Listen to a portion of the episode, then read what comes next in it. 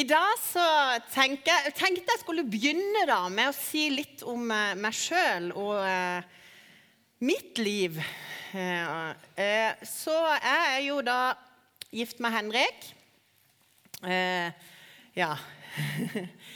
Eh, og vi bor på Skjernøya utenfor Mandal. Vi har vært sammen i, i over 20 år, faktisk. Sjøl så unge vi ser ut, altså. Eh, og vi har eh, fire barn i alderen eh, snart 16 år og ned til fire år. Så vi har vært småbarnsforeldre i snart 16 år. Med alt det innebærer på godt og vondt, kan du si. Eh, og eh, av og til så kjenner jeg at eh, livet vårt det kan jo av og til minne litt om et sirkus. For det at Jeg vet ikke om noen av dere kjenner igjen, men av og til så, så, kjenner du liksom at du lever i et slags sirkusfølelse. Det er liv og røre, det er mye som skjer, og du prøver på en måte å ha kontroll.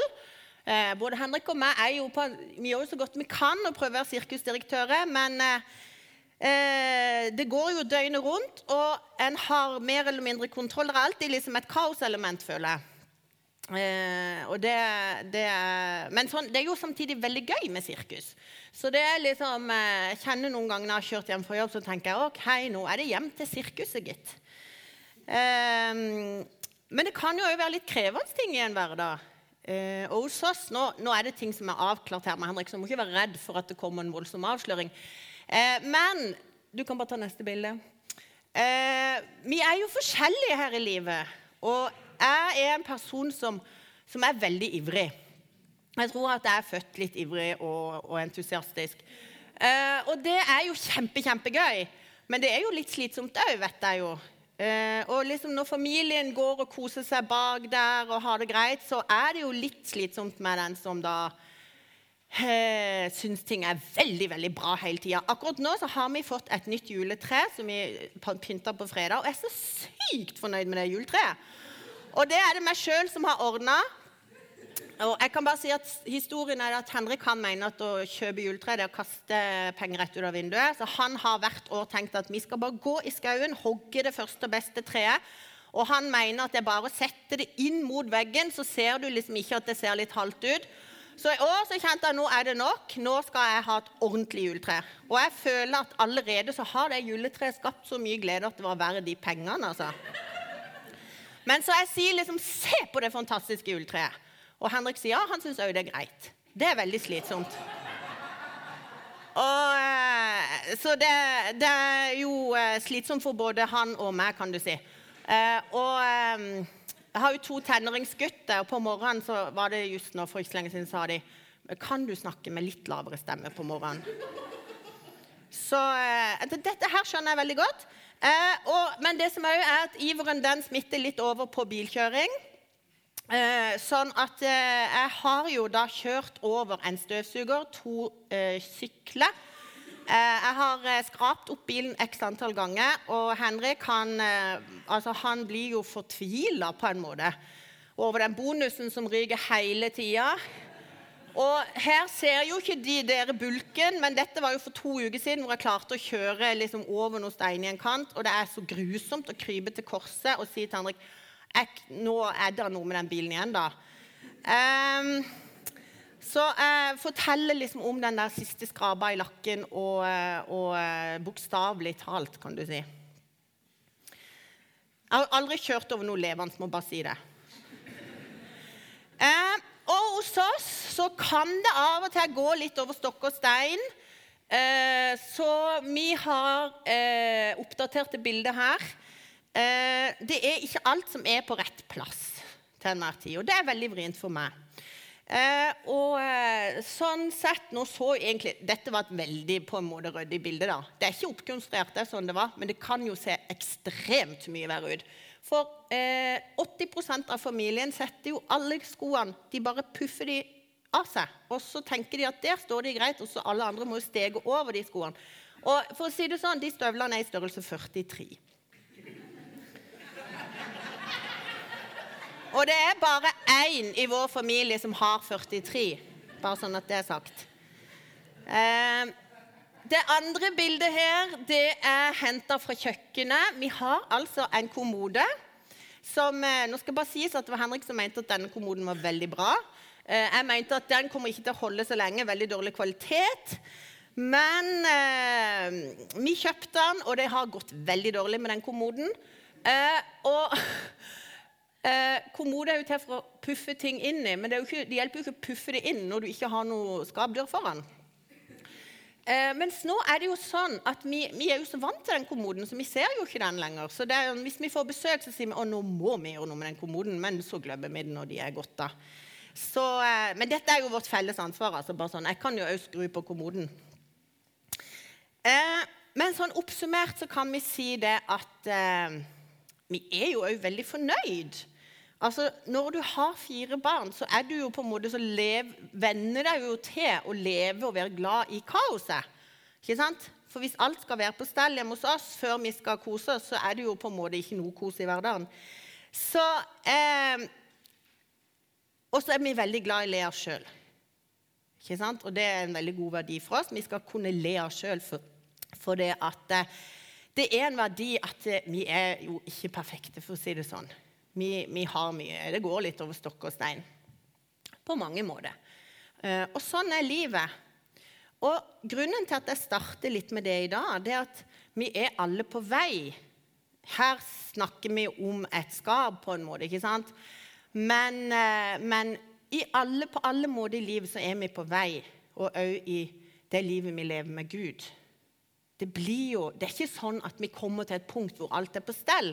Det er ikke sånn livet med Gud heller er. Vi er på vei. Eh, og jul, det kan beskrives på mange måter.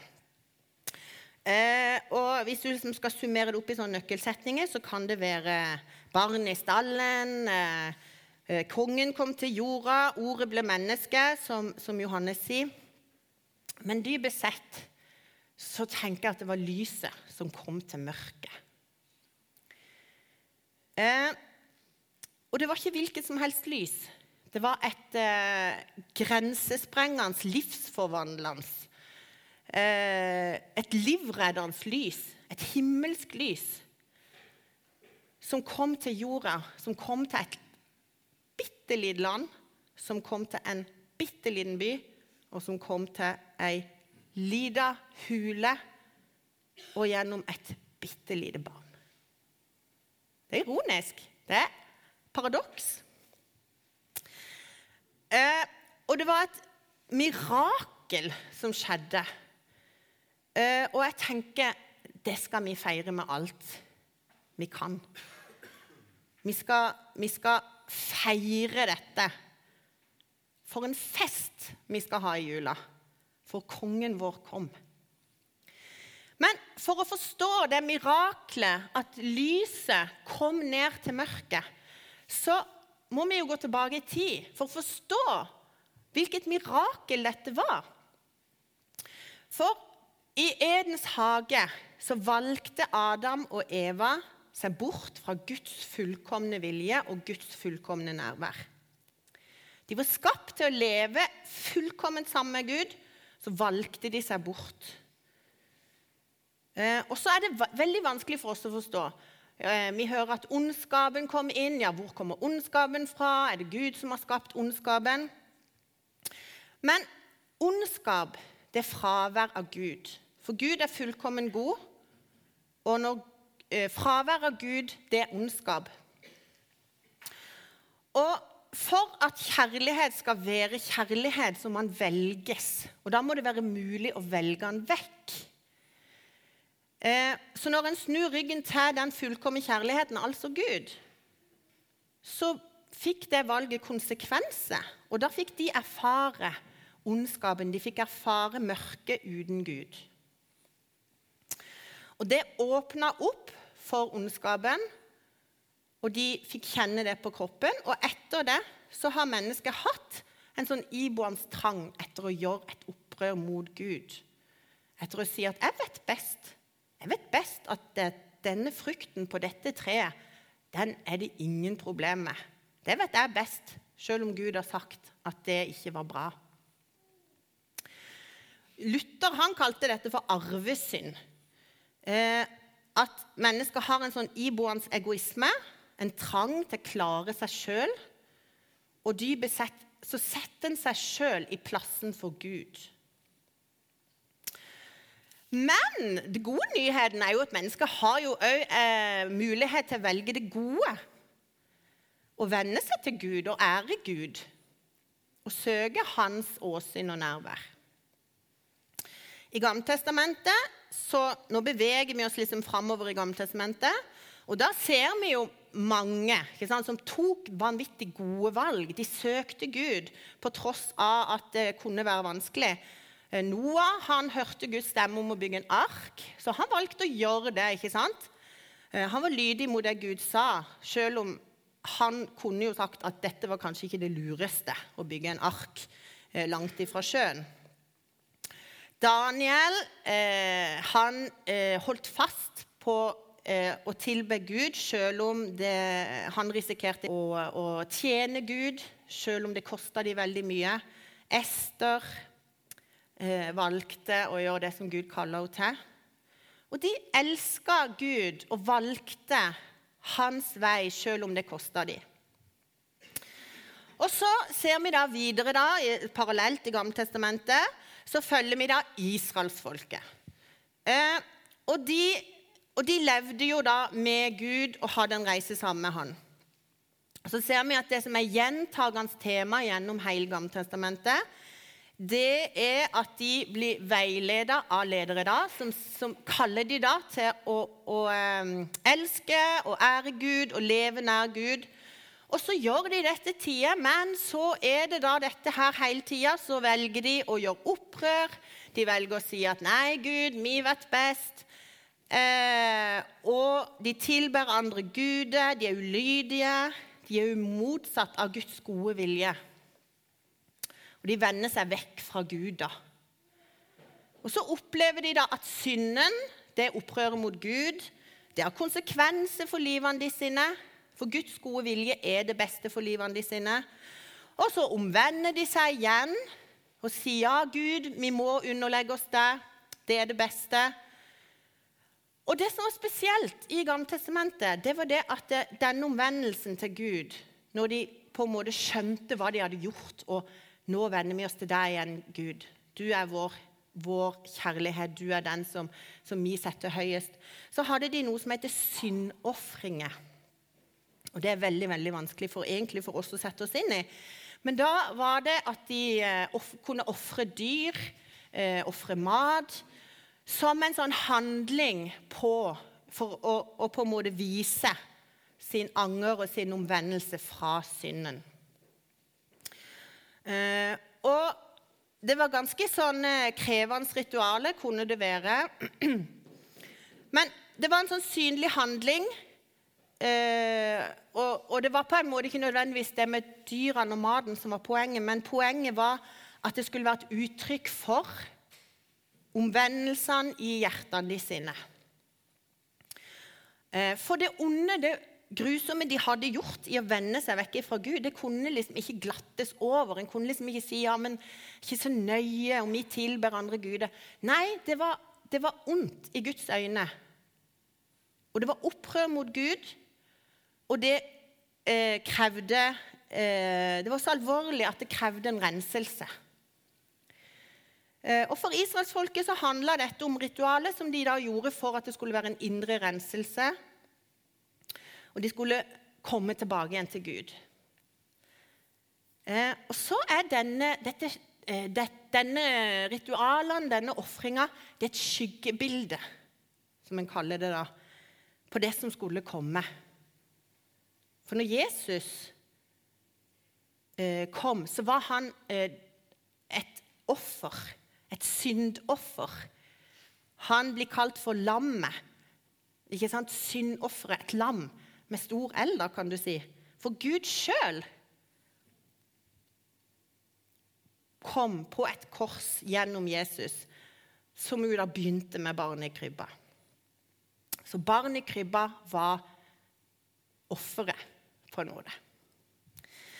Og Grunnen til at jeg forteller alt dette, det er fordi at det er bakgrunnen for det vi feirer i jula. Det som skjer i jula.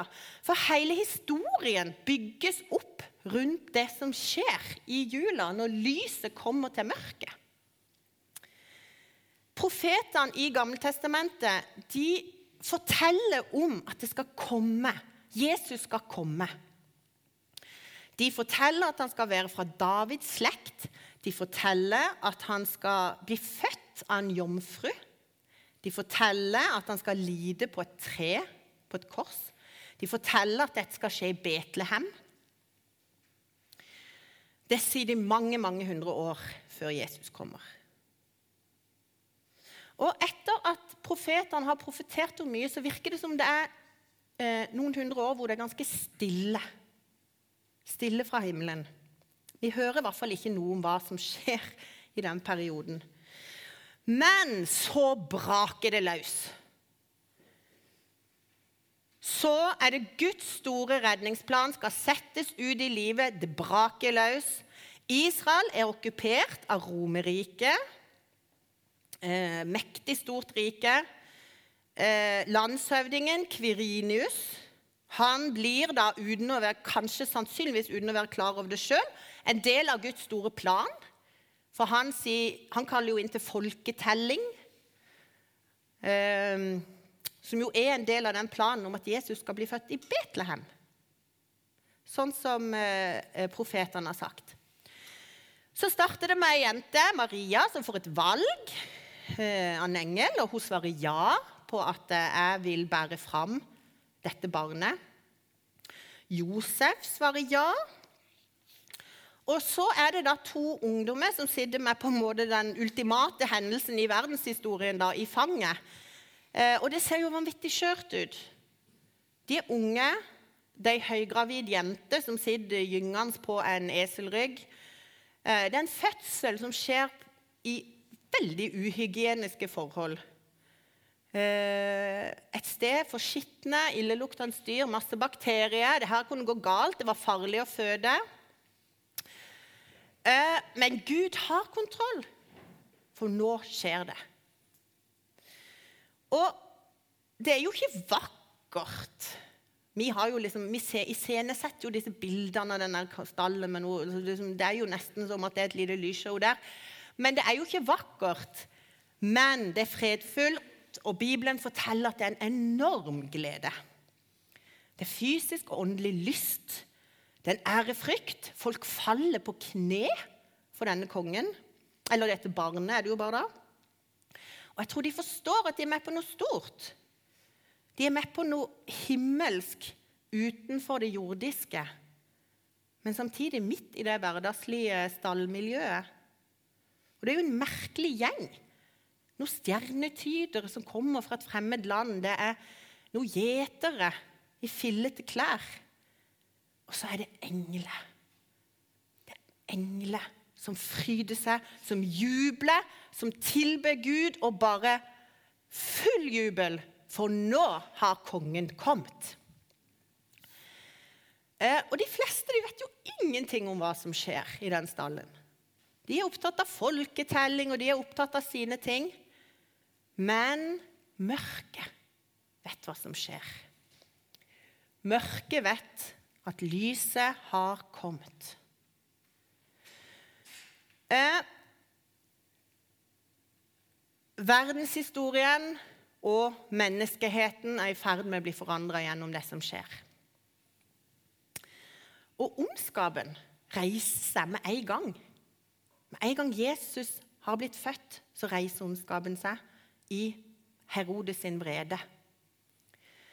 For Herodes blir så sint for dette barnet. Det er jo egentlig helt vilt. Hvorfor blir han så sint for det barnet? Men han får en sånn vrede over seg. Og den tror jeg ikke han egentlig skjønner noe av sjøl.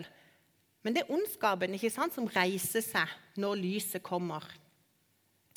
Og det som skjer er at etter hvert, altså Den lille familien flykter jo til Egypt. Eh, men det som skjer, det er at alle guttebarn under to år blir faktisk drept i det området der. Herodes han befaler at alle guttebarn skal dø. Eh, Og det er på en måte ondskapen og mørket som reiser seg. Og mørket har på en måte starta kampen for å utrydde dette lyset. Men Gud, han har kontroll. Selv om det står at det førte til skrik og klage og mødre som ropte ut sin nød pga. alle barna de mista. Fordi at ondskapen skjønte at her har det kommet et lys.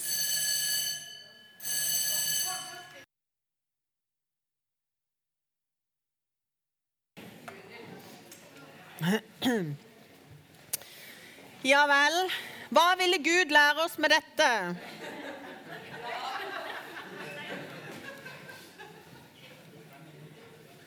Det er et veldig godt spørsmål å stille. Hva ville Gud lære oss med dette?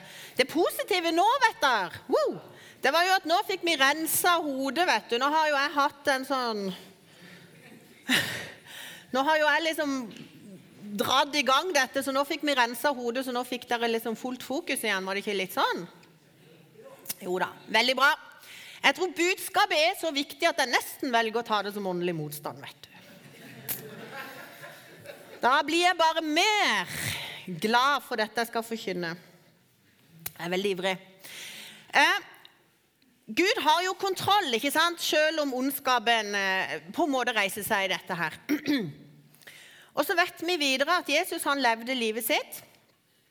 Nå drar vi det videre. Han eh, utførte tjenesten sin veldig tydelig sammen med sin himmelske far. Og mennesket ble tiltrukket av han. Han hadde jo ikke noe evangeliseringskampanje. Men allikevel så flokka jo tusenvis av folk seg rundt han. Det er egentlig litt interessant.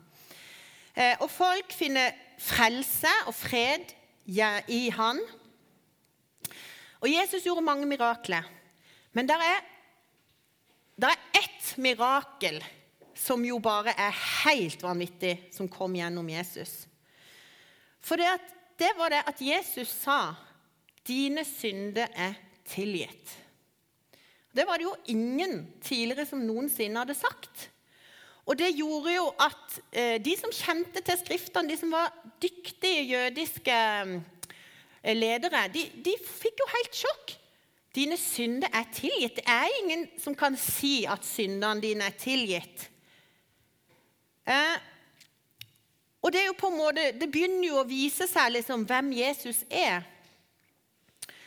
Og det begynner å vise seg at veien inn til Gud er i ferd med å bli åpna igjen.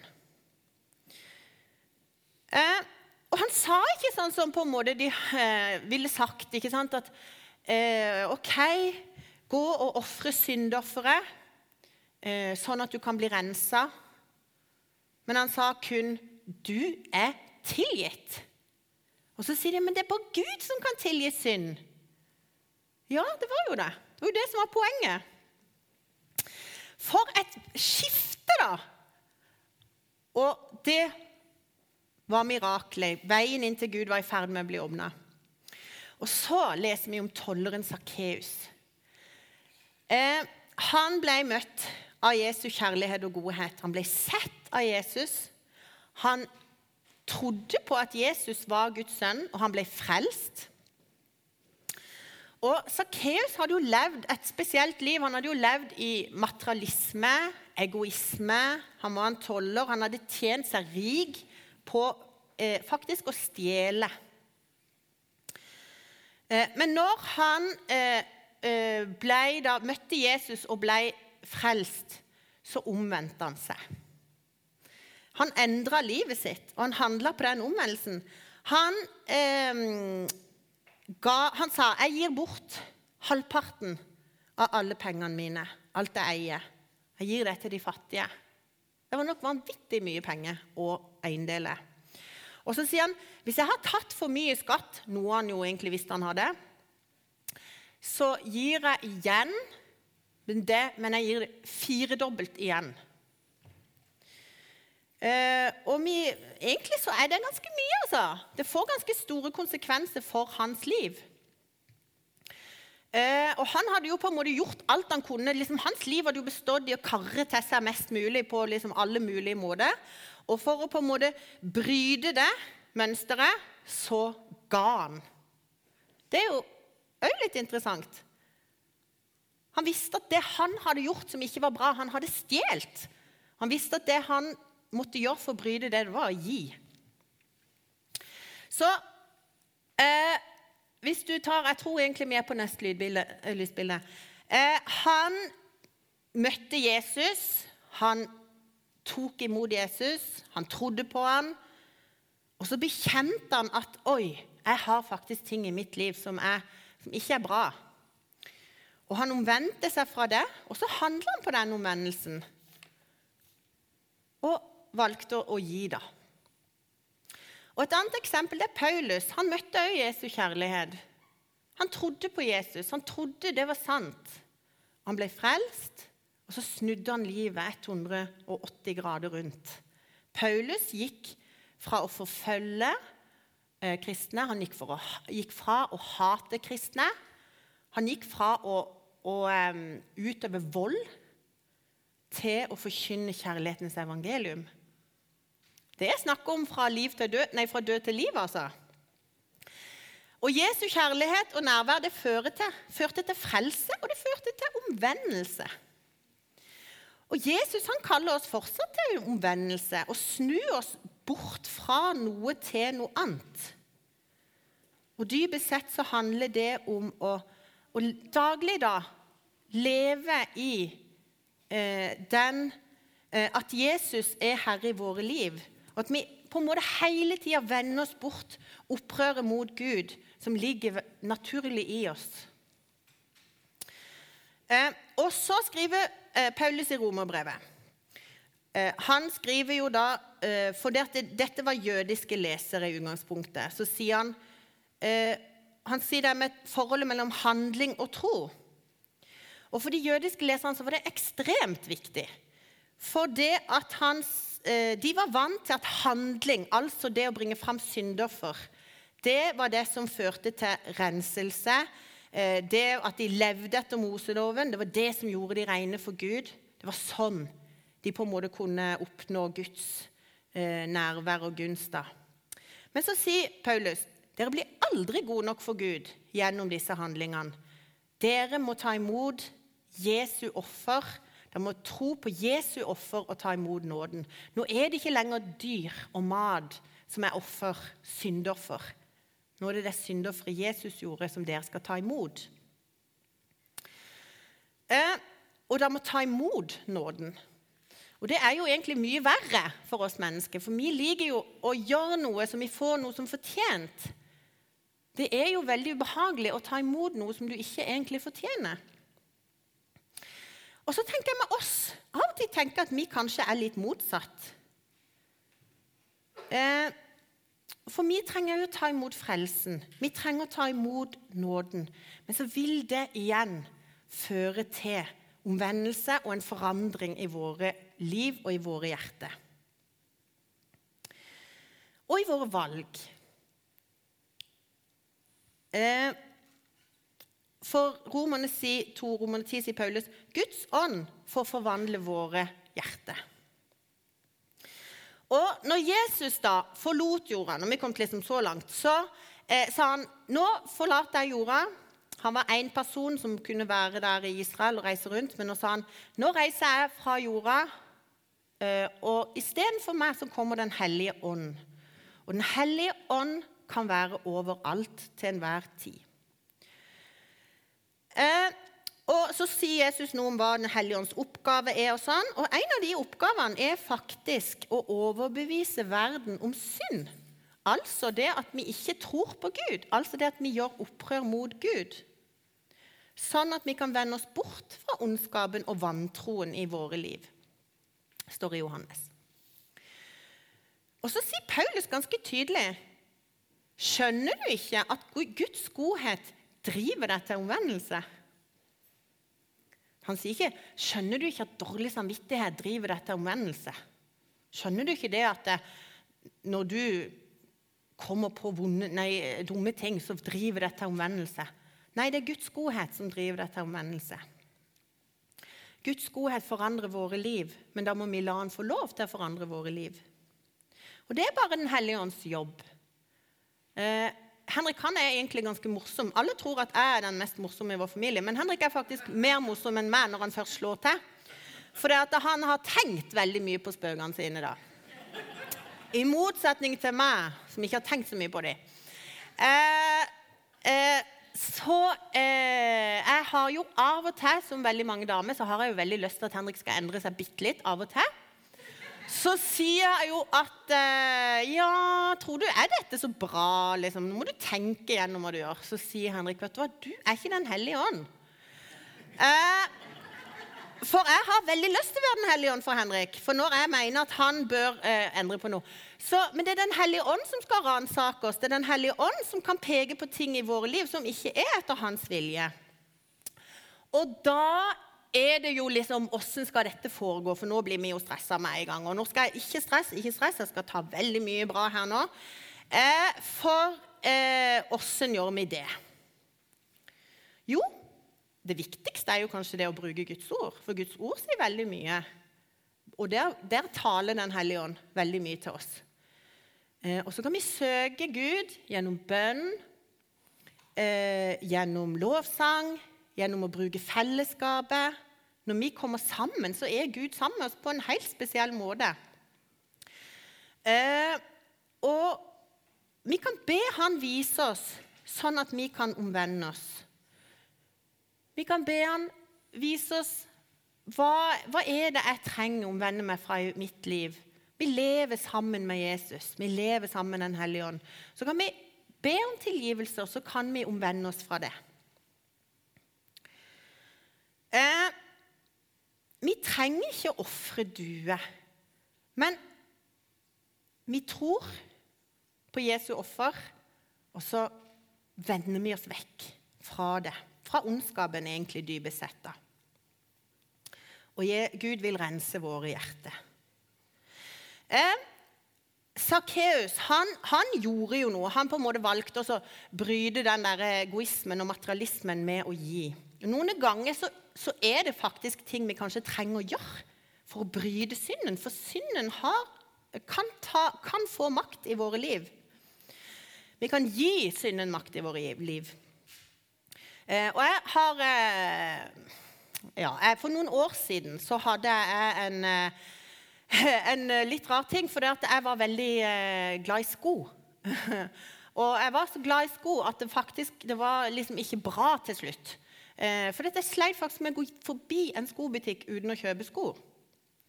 Helt seriøst. Det var altså så Jeg hadde så mye sko. Og jeg, det var helt sånn irrasjonelt.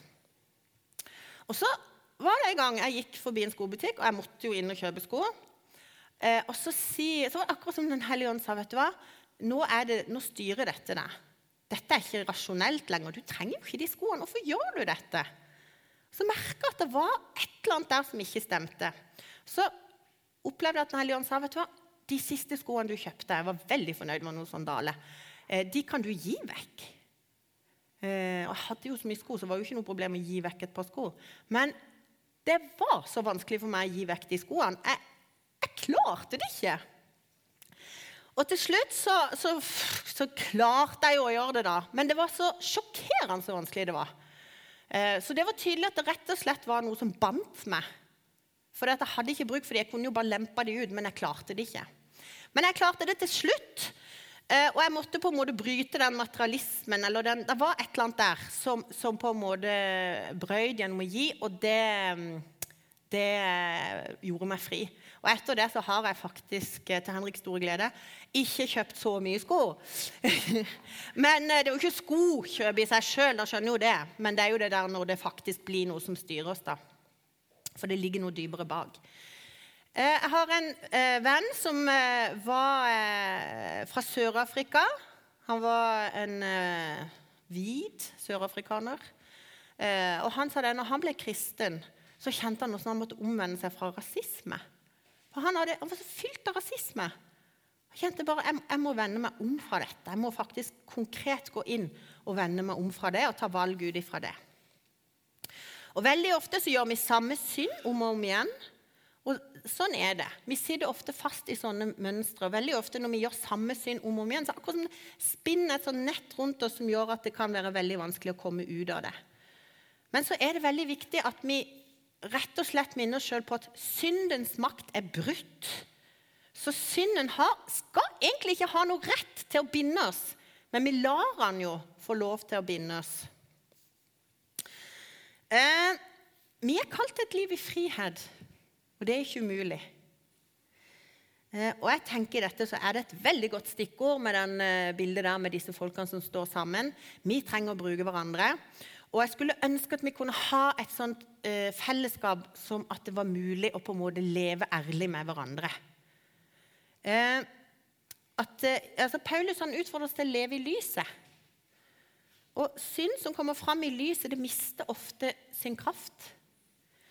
Eh, for det, det er har, det er ingen av oss som lever med perfekte liv. ikke sant? Vi har alle noen kommode som ikke ser så veldig bra ut.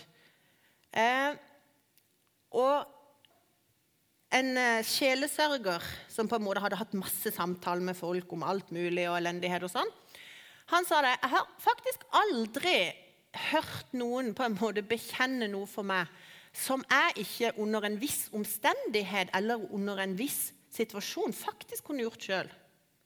Det handler litt om at vi går ikke i andre sko. Vi vet ikke. Og så er det eh, Og så tenker jeg faktisk en ting. Jeg skal, ikke, jeg skal ikke nevne masse enkeltting, for det er bare tull. Det er ikke min jobb å nevne enkeltting for dere. Men kanskje vi av og til kan ta noen valg som gjør det lettere for oss å leve i lyset. Eh, jeg har tenkt på én ting da, som på en måte gjelder oss alle sammen. sannsynligvis. Og Det er det med nettbruk. For det er to tastetrykk unna på vår telefon, på alt vi har, så ligger de verste ting. Så ligger de virkelig ondskapsfulle og grusomme og destruktive ting på alle vis. Eh, og så tenker jeg kanskje vi kan sette oss i den situasjonen at dette ikke på en måte får binde oss. ikke sant? At det, Eh, vi bestemmer oss for f.eks. at eh, loggen på mine tekniske duppeditter den skal jeg kunne vise til hvem som helst. på en måte noen, Og så skal jeg stå for det. skal jeg være på en måte trygg på at det, jeg står for det jeg har vært inne på. Jeg har tenkt at det er egentlig en regel for meg sjøl. For det hjelper vi oss sjøl til å leve i lyset. Og da slipper vi å leve med konsekvensene av de, eh, det vi får inn i sinnet vårt. da. Eh, og det åpner altså Det er en veldig stor glede i dette her. For det er jo sånn at Gud han tar alltid imot oss. Eh, og han, ikke sant, Det er så mye løfter knytta til Jesu død, oppstandelse, hans seier over ondskapen og synden. Den må vi alltid leve i. Den skal vi være 100% trygge på. Hans tilgivelse. Han glemmer det gale vi har gjort. Men så er det sånn at synden har allikevel konsekvenser. Det går jo ikke på, på liksom vår frelse, men det har konsekvenser. For synd det åpner faktisk opp døra for det onde. Og omvendelse stenger døra igjen.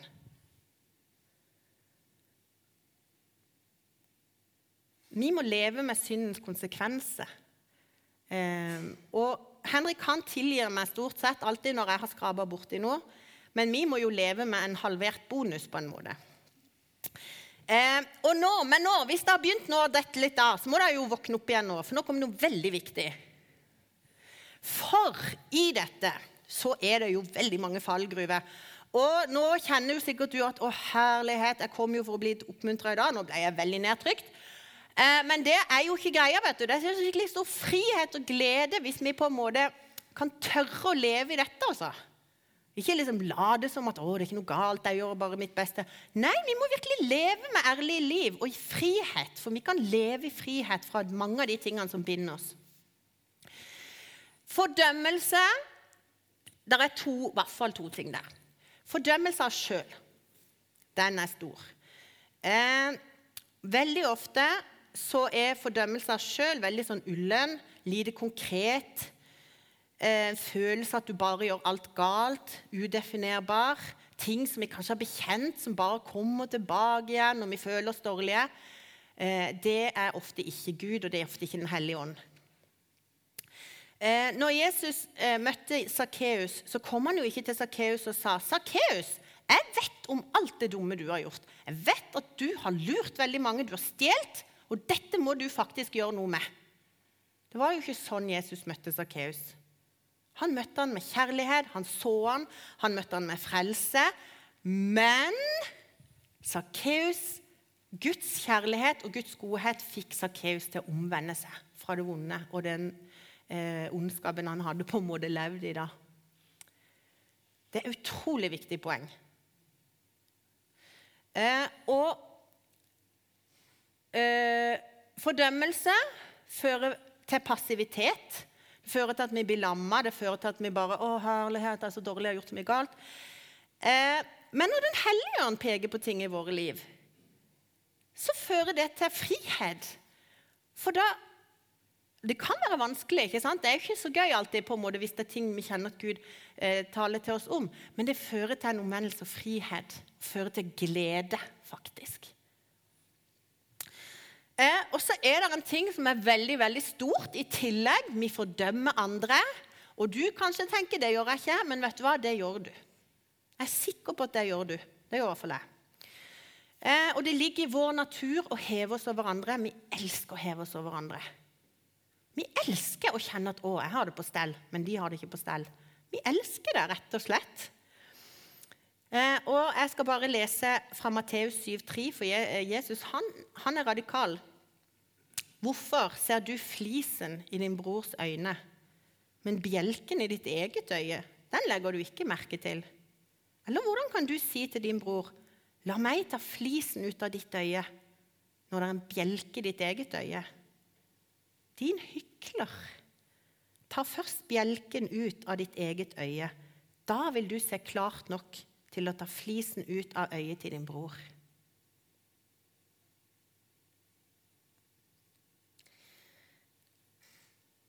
Et liv i nåde og omvendelse, et liv i frihet. Nåden er noe vi lever i og beveger oss i.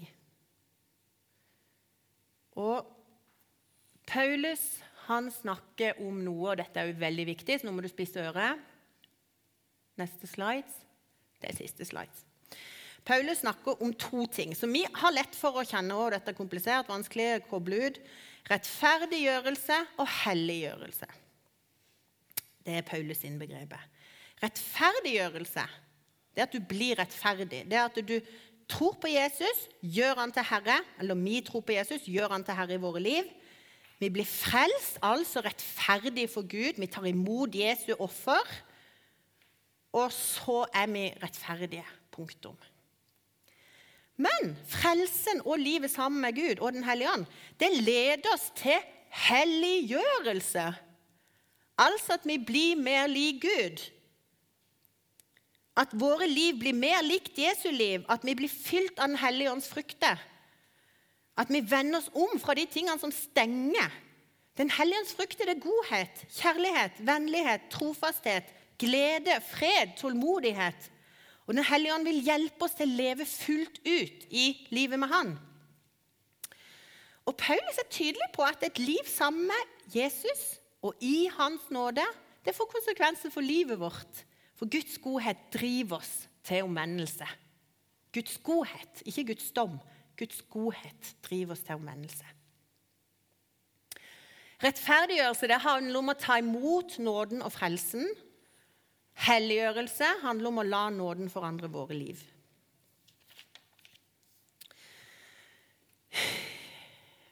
Dette er viktig, altså. Skikkelig viktig. Og i jula så feirer vi da, ikke sant, dette historiske, enorme, som ingen av oss kan forstå, som skjer. Frelsen og redninga. Nå kommer det med Jesus. Og jeg kjenner vi må, jeg vil utfordre dere. Det er vår høytid. Det er vår høytid. Det er ikke nissens høytid. Gøy med nisse. Ikke hans høytid. Det er ikke julestemninga som er viktigst. Det er Jesu komme som er viktigst. Og det er vår frelser, og det er vår høytid. Og vi skal virkelig feste og feire. Vi skal, den, vi skal ha den beste maten. Vi skal kose oss, vi skal juble. For Jesus, vår konge, kom. Det er feiringa at nå Guds enorme plan. Og ondskapen og dødens makt det ble knust gjennom Jesus. Lyset kom til mørket, og snart skal vi erfare det fullt ut. Han sendte frelse og lys gjennom Jesus. Mørket og ondskapen og syndens makt er brutt, og vi kan ta imot og leve i lyset.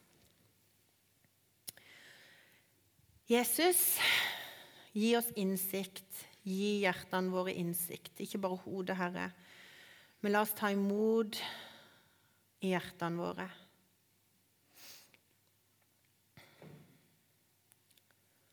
Herre, vis oss forskjellen på at vi sitter og fordømmer oss sjøl, og alle de falske stemmene, og din Hellige Ånds eh, hjelp til å omvende oss, Herre, og leve enda mer i frihet sammen med deg.